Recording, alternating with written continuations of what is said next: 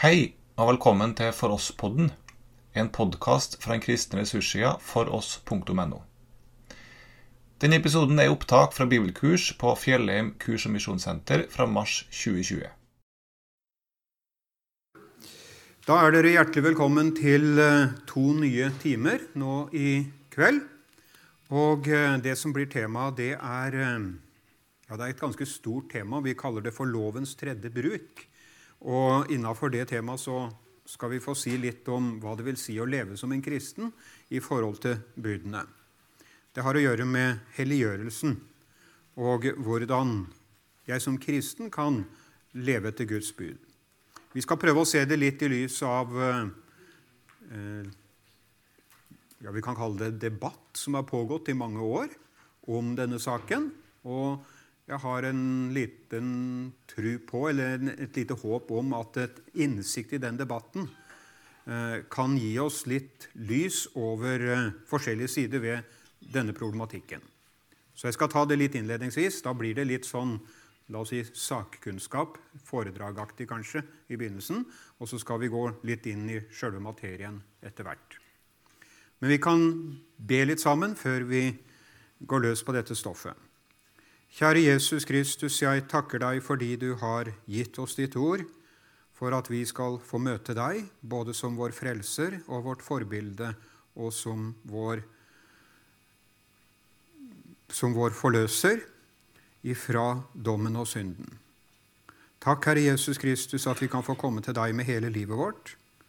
Takk at vi kan få komme til deg og be deg og veilede oss i livet. Takk at du har gitt oss dine gode bud, og at vi skal få ha tillit til at de er din gode veiledning til oss. Hjelp meg til å tale rett om disse tingene i dag. Takk, Herre Jesus, at jeg skal få stille meg fram i ditt navn, og at jeg skal få lov til å legge fram ordet ditt i bønn om at du også vil veilede meg i det jeg skal si. Amen. Lovens tredje bruk Jeg vet ikke om det er ja, Noen syns det er et ganske kjent uttrykk, vil jeg tro. Det handler om en anvendelse av budene som spesielt retter seg mot kristne mennesker. Er det er det sånn at det er en spesiell måte eller, å oppfylle loven på for kristne? Har budene noe å si til kristne mennesker om hvordan de skal leve? Hvis vi går til noen tiår tilbake i historien, så vil vi se at det spørsmålet har vært diskutert.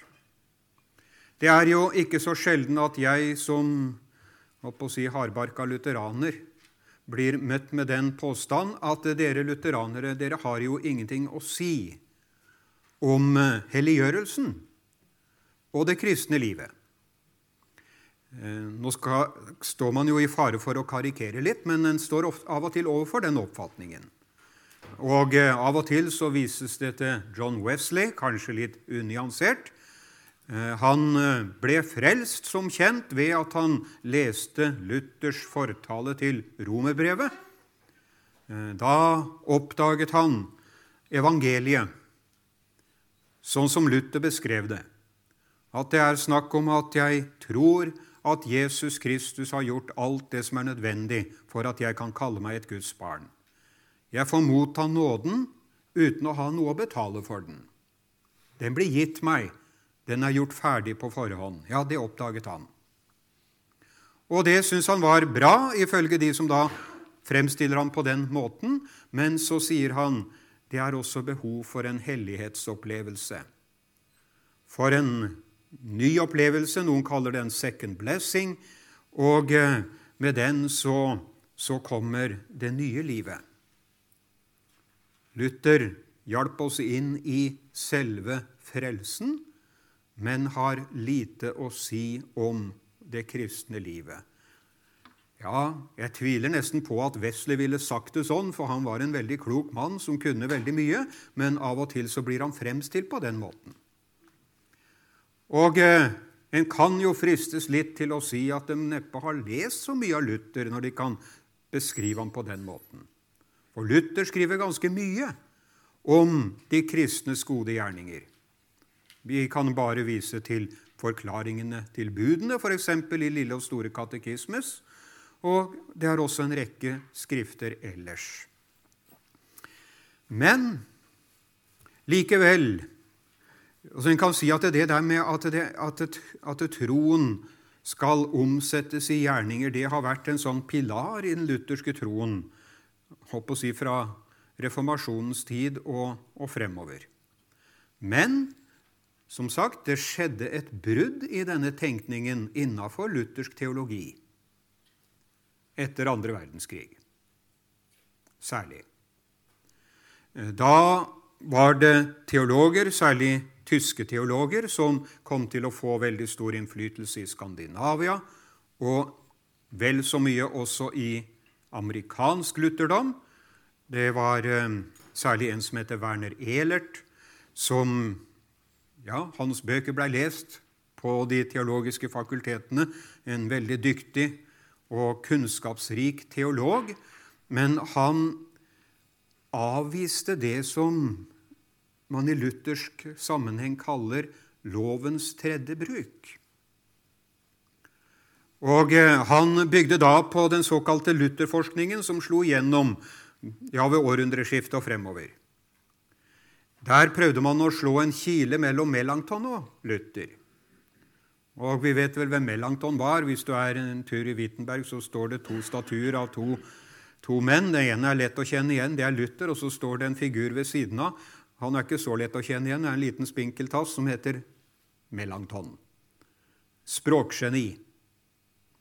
Og eh, Luthers nærmeste medarbeider. Forfatter av Den augsburgske bekjennelse, annet. Han var på en måte nummer to i, mellom de to store reformatorene. Det var Melanchthon som kom med denne skjelningen mellom lovens tre bruk. Det var han som på en måte fikk eh, dette på plass innenfor den reformatoriske tenkningen. Og den oppfatningen han kom med da, ja, den er senere blitt videreført også av de reformerte. Men hva går det ut på? Jo, lærte Melanchthon. Loven skal brukes i forhold til samfunnslivet. Den er en god veileder for hvordan samfunnet kan utfolde sine lover. Det kaltes for lovens første bruk. Men så har også loven en annen funksjon. Den er tuktemester til Kristus. Når loven kommer og banker på mitt hjerte og vil inn i min samvittighet, ja, da, da da lærer den meg å forstå at jeg ikke holder mål i forhold til loven. Jeg er skyldig selv om jeg er aldri så, en aldri så lydig og god borger. Så loven den er, den åpenbarer synden, og den, er, den funksjonen med loven er vi i grunnen ganske godt kjent med her i Norge, ikke minst i lekmannstradisjon. Den loven må komme, og så må den åpenbare for oss at vi er syndere. Og så kommer evangeliet. Og evangeliet taler til den som har kjørt seg fast, og som erkjenner seg selv som en synder i møte med loven. Evangeliet kommer og sier at Jesus har oppfylt loven for oss, og at vi skal frikjennes. Men hva så? Jo, vi fikk den antinomistiske striden. Det var voldsomme ting på slutten av Luthers liv. Og eh, det var de som tok til orde for det at en kristen er fri fra loven. Ikke bare i betydningen av at en da eh, er fri fra lovens dom, men man har ikke lenger behov for loven. For i kraft av den nye natur som er skapt i oss ved troen, ja, så finner vi ut selv hvordan vi skal leve. Det nye livet, det, det vokser liksom spontant frem av nåden. Og derfor, som sagt, så er det ikke behov for noen spesiell veiledning. Og eh, det var Agricola som sto for det, og, og Melanchthon han prøvde å sette bremsen på. Og så kom han med det. Og det jo, sa han, Vi trenger jo loven også etter at vi er kristne. For vi finner jo ikke alltid ut hvordan vi skal leve. Han kalte det lovens tredje bruk, en spesiell anvendelse av budene som sikter på kristne. Werner Ehlert, i all sin lærdom, så sa han omtrent som følger Melanchthon Det var Melanchthon som lanserte denne læren om lovens tredje bruk.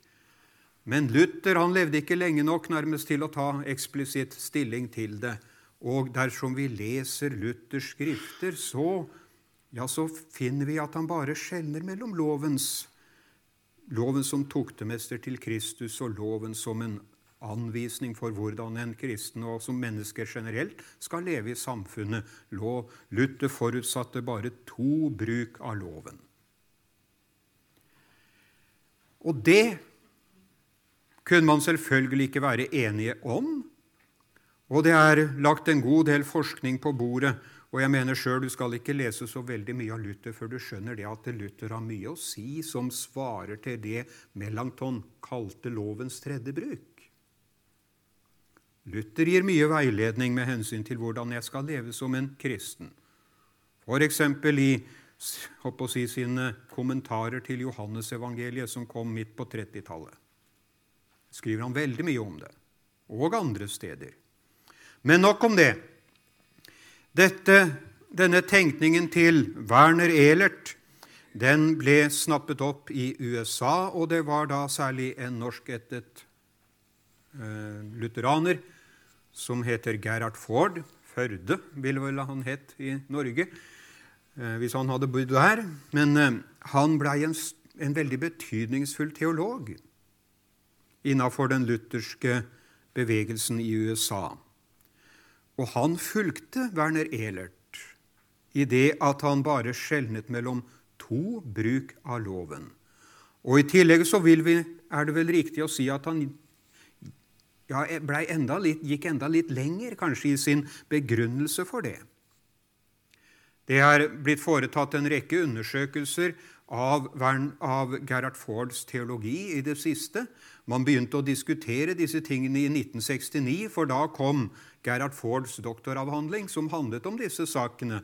Og da, ja, Først var det helt stille i en tiårs tid, og så kom det motreaksjoner. Er det bare to bruk av loven. Og så begynte de å stille nærgående spørsmål, kanskje mest ifra, fra Missouri-siden, men også fra andre teologisk hold.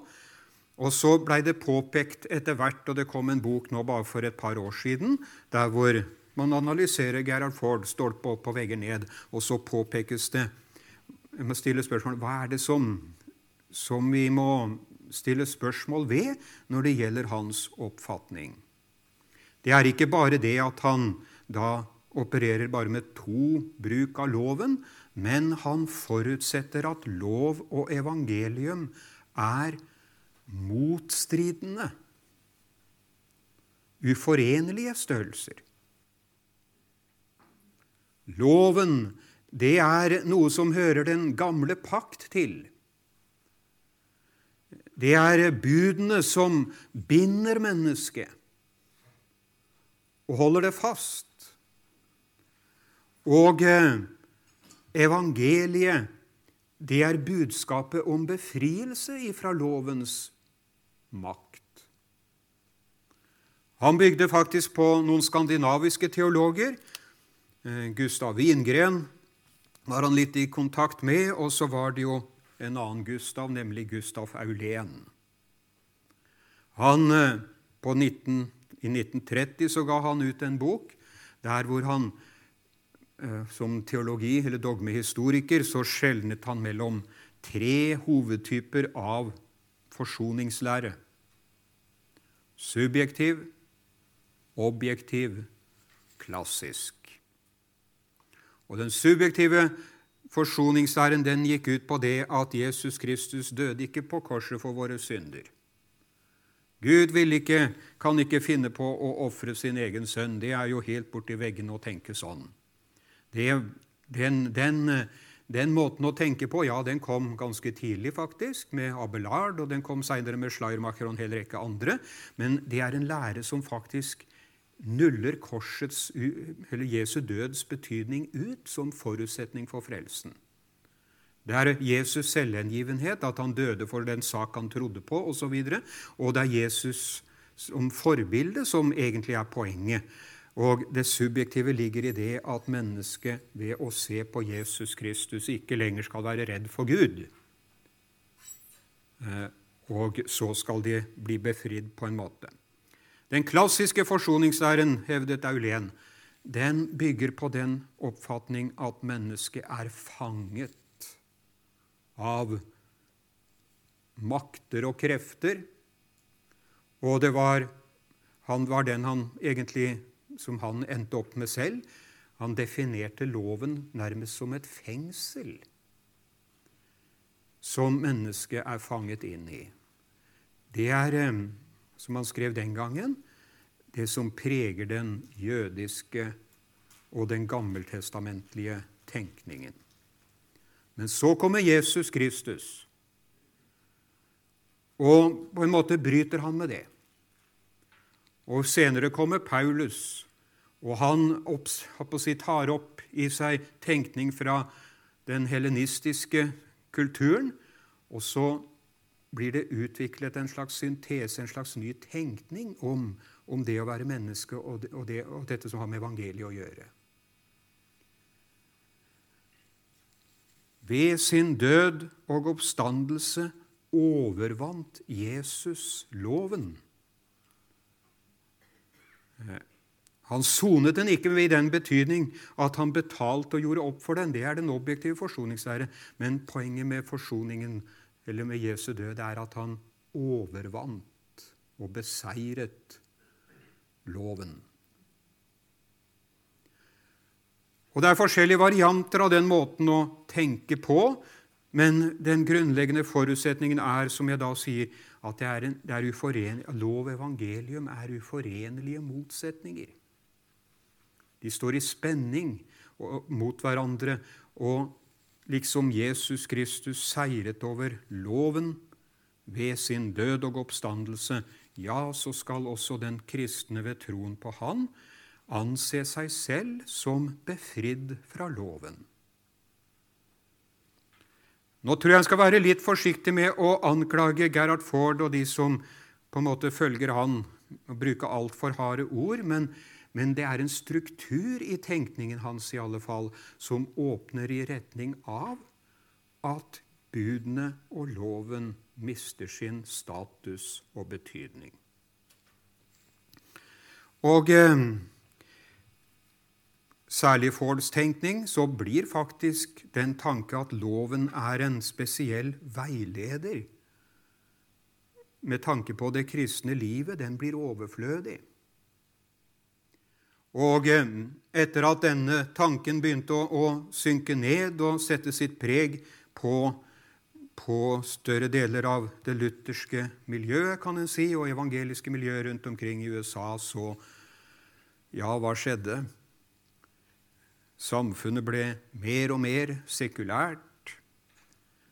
Det blei mer og mer vanlig å leve på en annen måte enn det som man gjorde før.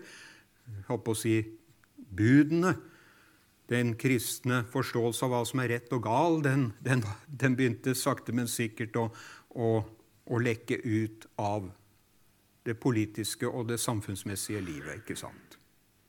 Ja, denne utviklingen har nok gått enda fortere her på disse kanter av verden. Men det blei etter hvert noen teologer som da hevdet omtrent som følger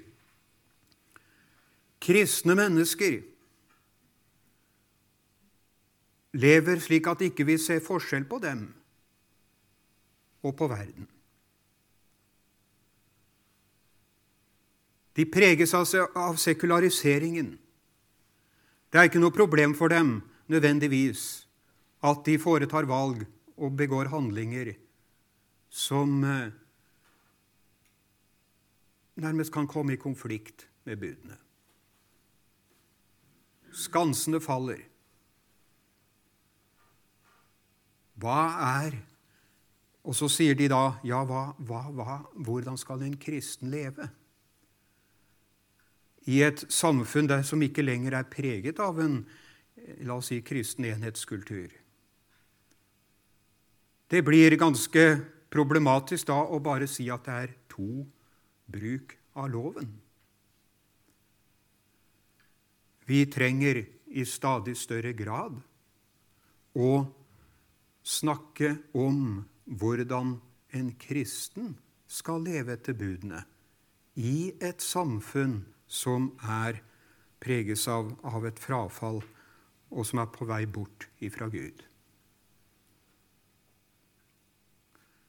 Ja, det var nok noe av tanken, og det er den tanken jeg selv har om det. For jeg tror faktisk at den måten å tenke på som jeg har skissert her og tatt fram et par representanter for, den har, tror jeg, også preget skandinavisk og norsk-luthersk tenkning. Vi har hatt noe å si om lovens tredje bruk. Vi har heldigvis hatt fremragende teologer og andre si, forstandige folk med stor kunnskap som, ja, som har virkelig talt om den saken og eh, forklart at, hvordan de tingene henger sammen. En av dem er jo som kjent Carl Fredrik Wisløff. Han har skrevet om det. Men samtidig så stiller jeg også spørsmålet Sier vi, eller taler vi tilstrekkelig om det? Hva sier vi om det? Eh, det kom altså reaksjoner fra 1970-tallet. En som heter David Diego fra LSJ, var det vel det het den gangen. Og senere også andre som, eh, som tok til orde for det. Vi trenger virkelig for å si, kristenlivets skyld å vekke til live denne læren om lovens tredje bruk. Og eh, eh, hva var det da som preget denne motreaksjonen? Eh, den, eh, vi kan si det sånn, den, den, preges på en måte av at en, en eh, får et stadig klarere syn for det at vi trenger en spesifikk kristen etikk. En etikk for kristne. Og så tok de avstand fra den oppfatningen da som, denne, som ble gjort gjeldende særlig da av Ford, nemlig at lov og evangelium står i et uforenlig motsetningsforhold.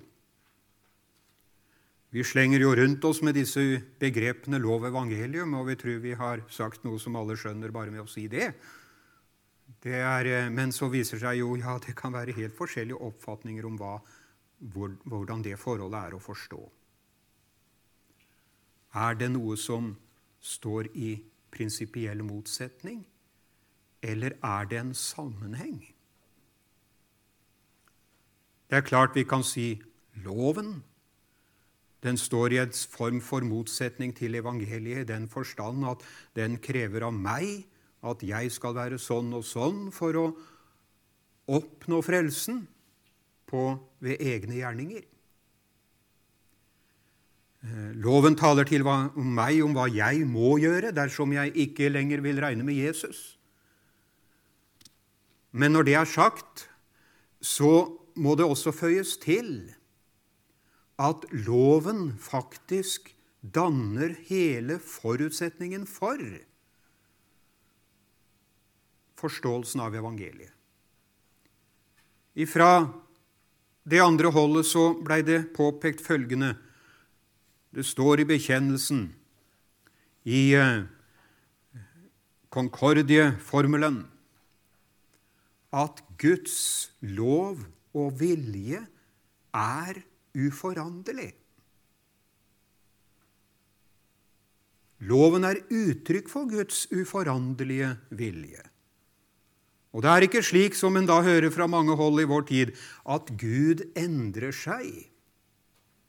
Det blir faktisk sagt at Gud endrer seg gjennom historien, og lov og bud endrer seg. Nei, loven er forankret i Guds vesen. og loven er uforanderlig. Og Derfor krever loven av meg at jeg skal være ren og fullkommen. Det er ikke, er, derfor så blir loven vanskelig for meg, for det er jeg jo ikke. Men det å få et glimt inn i hva loven krever av meg, det kan vi sammenligne med det å, å få innsikt i et regnskap der du står skyldig. Jeg har punkter nedover der hvor du står i gjeld. Og så kommer det en og betaler gjelden for deg. Du kan bare få en viss forståelse av hva han har gjort for deg, dersom du først forstår hva loven er for noe. Og det er det vi tror. Jesus oppfylte loven for oss. Han eh, overvant ikke loven i den forstand at han nullet den ut, men han gjorde det loven krever i vårt sted. Han tok på seg dommen for våre synder, og han oppfylte Guds lov og bud som det fullkomne mennesket. Og for å forstå hva Jesus har gjort for meg, ja, så må jeg forstå det på grunnlag av loven. Og det er derfor evangeliet taler til meg på en annen måte enn loven.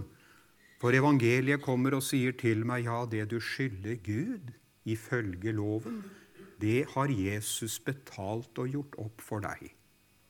Takk, sier jeg da. Men er det siste ord? Nei, verken fra min Herres side eller ifra min side.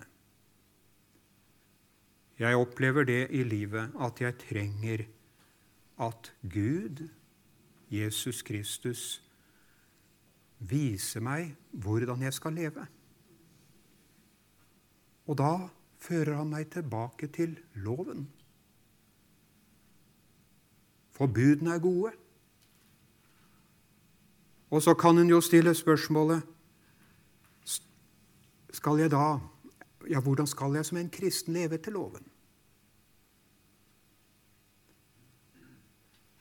Det er eh, En stiller seg selv spørsmålet ja, er det en forskjell mellom hvordan en kristen lever etter budene, og hvordan en som ikke tror på Jesus Kristus som sin frelser, lever etter dem? Jeg vil våge å påstå at det er det. Og samtidig vil jeg føye til at jeg kjenner veldig mange ikke-kristne mennesker som har en veldig høy moral, og som jeg har den største respekt for. Og det er nesten så jeg vil si ja, de kan være vel så gode som kristne mange ganger. Men likevel så er det en vesentlig forskjell. Og det skal vi prøve å se litt nærmere på etter hvert. Vi får prøve å ta det bit for bit. La oss repetere dette, denne klassifiseringen kort forhåpentligvis også greit. Melanchthon utformet denne læren om lovens tre bruk. Lovens første bruk det er hvordan loven anvendes i det politiske livet. Budene de på en måte svarer faktisk til menneskets generelle bevissthet om hva som er rett og galt. Det skal kunne legges til grunn også i samfunnet. Lovens andre bruk det er når loven kommer og anklager meg, som jeg sa. Og så er det altså loven, lovens tredje bruk, som da er når Guds ord taler til meg for å veilede meg som kristen. Og eh, la oss si det sånn, Skriften som vi da må vende tilbake til, den taler i grunnen tydeligere om dette her, vil jeg si, på mange måter. For da måtte de troende velge å leve på en annen måte enn den verden de levde i. For de levde jo i en frafallen sekulær verden. Skikt dere ikke lik med denne verden, skrev Paulus, men bli forvandlet. Så lenge den la oss si, kristne enhetskulturen preget samfunnet vårt, ja, så var det nok ikke så lett å se bestandig forskjell på kristne og ikke-kristne. Men det må da være noe nå. Noen valg vi må ta. Der vi må si at vi velger en annen vei enn det som, som er vanlig blant folk. Ja, det er ikke så vanskelig å, å peke på det, vil jeg tro.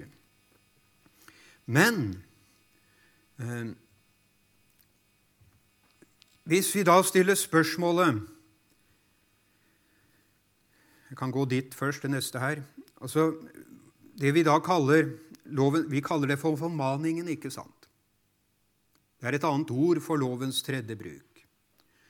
Og Hvis vi leser de som da har skrevet om det der, og forklart litt for oss hva formaningene går ut på, ja, så, så ser vi at det følger et bestemt mønster som jeg tror er riktig.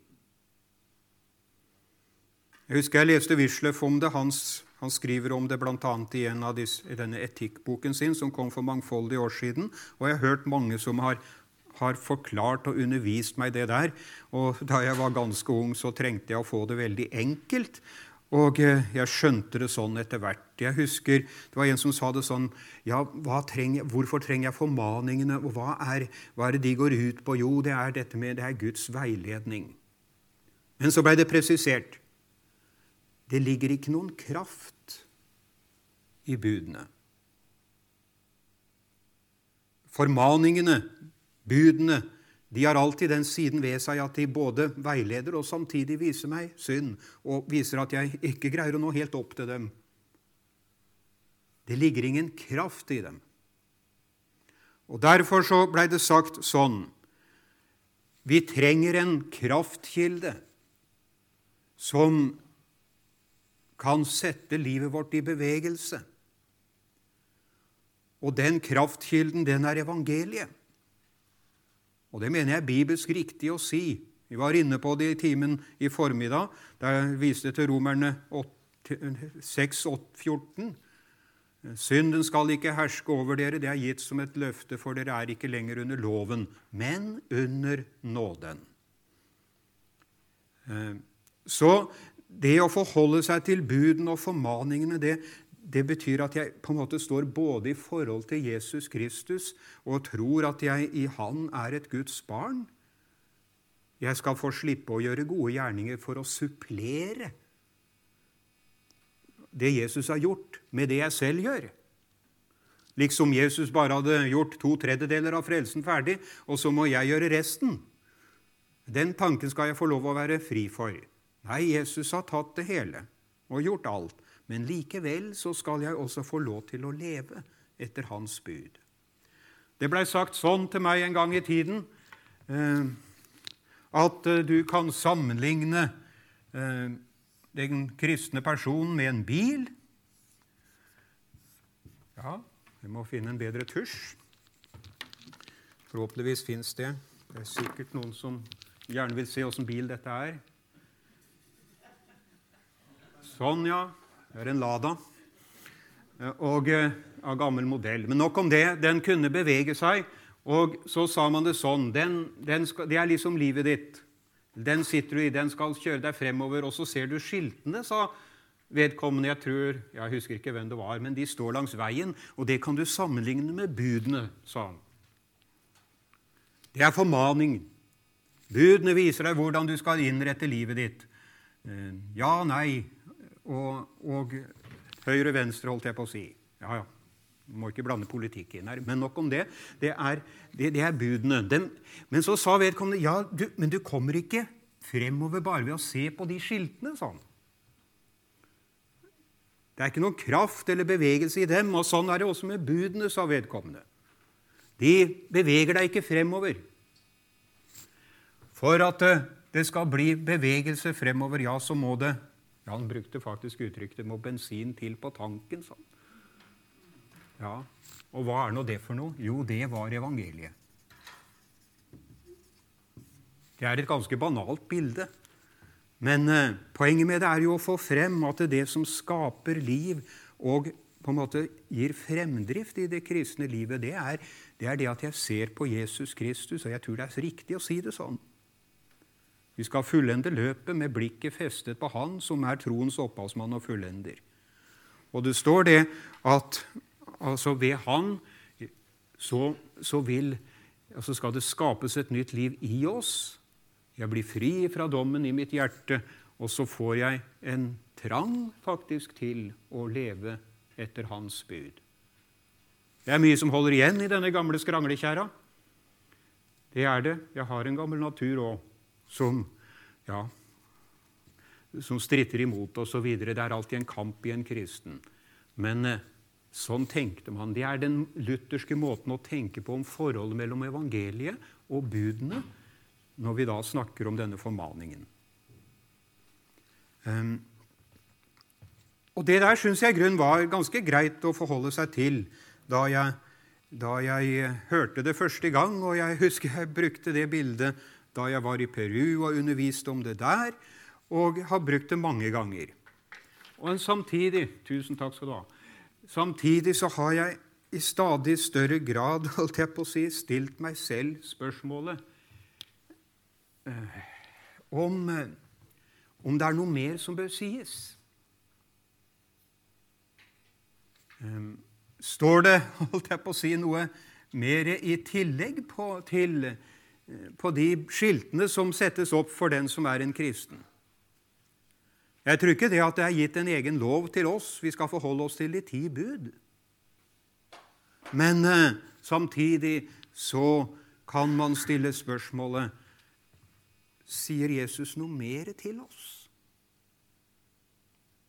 om hvordan jeg skal leve etter budene? Ja, det gjør han da virkelig.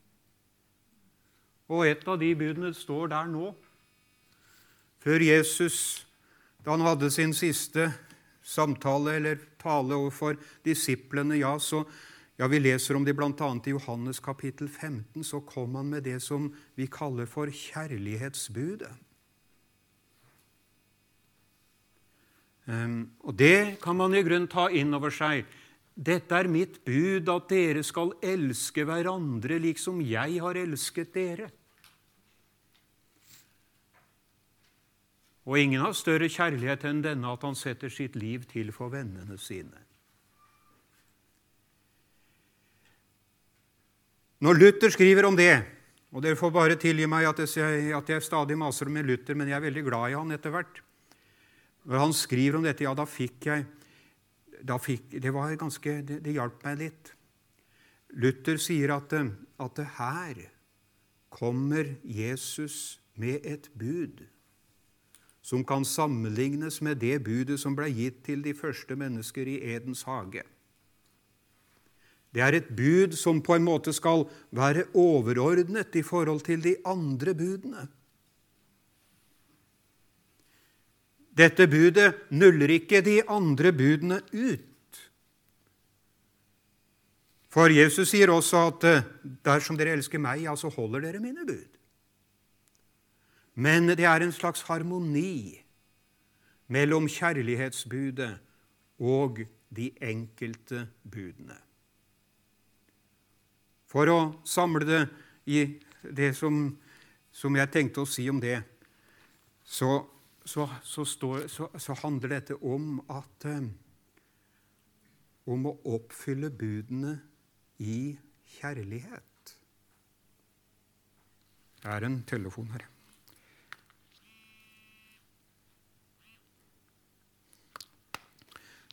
Vi skal oppfylle budene i, i kjærlighet. Vel, jeg skal prøve å, å, gå litt tilbake til det men, og, og utdype det i neste time. Men, men, den som har lært oss det, faktisk, da, det er jo ikke Luther. Men Luther snappet det opp. Det er Jesus selv. Og dersom vi leser om fortellingen om Jesus, ja, så, så ser vi at han var ikke fornøyd med alle de forskjellige måtene som menneskene prøvde å oppfylle loven på. Og det var særlig noen som var ganske Ja, de var fornøyd med seg selv. Fariseeren, ikke sant? De oppfylte budene til punkt og prikke for sin egen del. og holdt på å si regler som de kom Det var masse lover og regler som de utviklet, og de, de sto der og fikk større betydning for mennesken, enn menneskene som de egentlig da skulle vise kjærlighet til. Jesus sier det bl.a.: Ja, dere kan gi en korban til tempelet, og så, og så bryr dere ikke om hvordan det går med foreldrene deres. Det var sånne erstatningshandlinger. Det var en måte å oppfylle loven på som var tvers igjennom ubarmhjertig og kald. Og hjelpe meg, jeg tror vi kan ha møtt på det noen og hver. Og kanskje har vi vært det sånn sjøl òg. Kjærlighetsbudet skal styre vår måte å oppfylle loven på. Jeg var innom Jesus som møtte den samaritanske kvinnen utenfor Sykar ved brønnen. Og vi kan se hvordan Jesus møtte mennesker mange ganger. Hvor god han var mot dem. Men tenk der, sånn som jeg beskrev det i går, der var denne kvinnen som ikke turte å gå ut tydeligvis på et hvilket som helst tid som hun valgte. Hun kom midt på dagen for å komme til denne brønnen aleine fordi hun levde i skam og ville helst ikke møte folk. Og Så går hun ut for å hente vann, og så sitter det forsyne meg en mann der. En jøde, til og med. Og det var jo et sterkt motsetningsforhold mellom jødefolk og samaritanerne. Og så sitter Jesus der og venter på henne. Hva gjør han? Han kunne sikkert ut ifra hva som var idealet med hensyn til lovoppfyllelse den gangen, bare snudd ryggen til henne og vist henne kald forakt. Og kunne, ja, Hadde han vært et menneske, så ville han sagt ja, det var det eneste riktige å gjøre, og ikke ha noe med de folkene der. Vise hardhet. Prinsipiell hensynsløs. Men det gjorde ikke Jesus. Han talte til henne og sa, 'Gi meg å drikke.' Han ba henne om en tjeneste og stilte seg inn i et forhold til henne der hvor hun måtte hjelpe ham. Løftet henne opp, og så sa han, 'Kjente du Guds gave, og visste du hvem det er som taler til deg?' Så hadde du bedt ham, og han hadde gitt deg. Kjenner du Guds gave? Nei, det kjente hun ikke. Men der satt Jesus, og det var det han ville gi henne. Han møtte henne. Han oppfylte loven ved å handle på den måten, og han oppfylte loven i barmhjertighet. Og hvorfor gjorde han det? Fordi han ville frelse henne. Det er flere måter å leve etter loven på. Og Derfor trenger vi formaningene. Og det er mer enn én ting som kan sies til oss om den saken. Og litt av det skal vi prøve å komme inn på i neste time.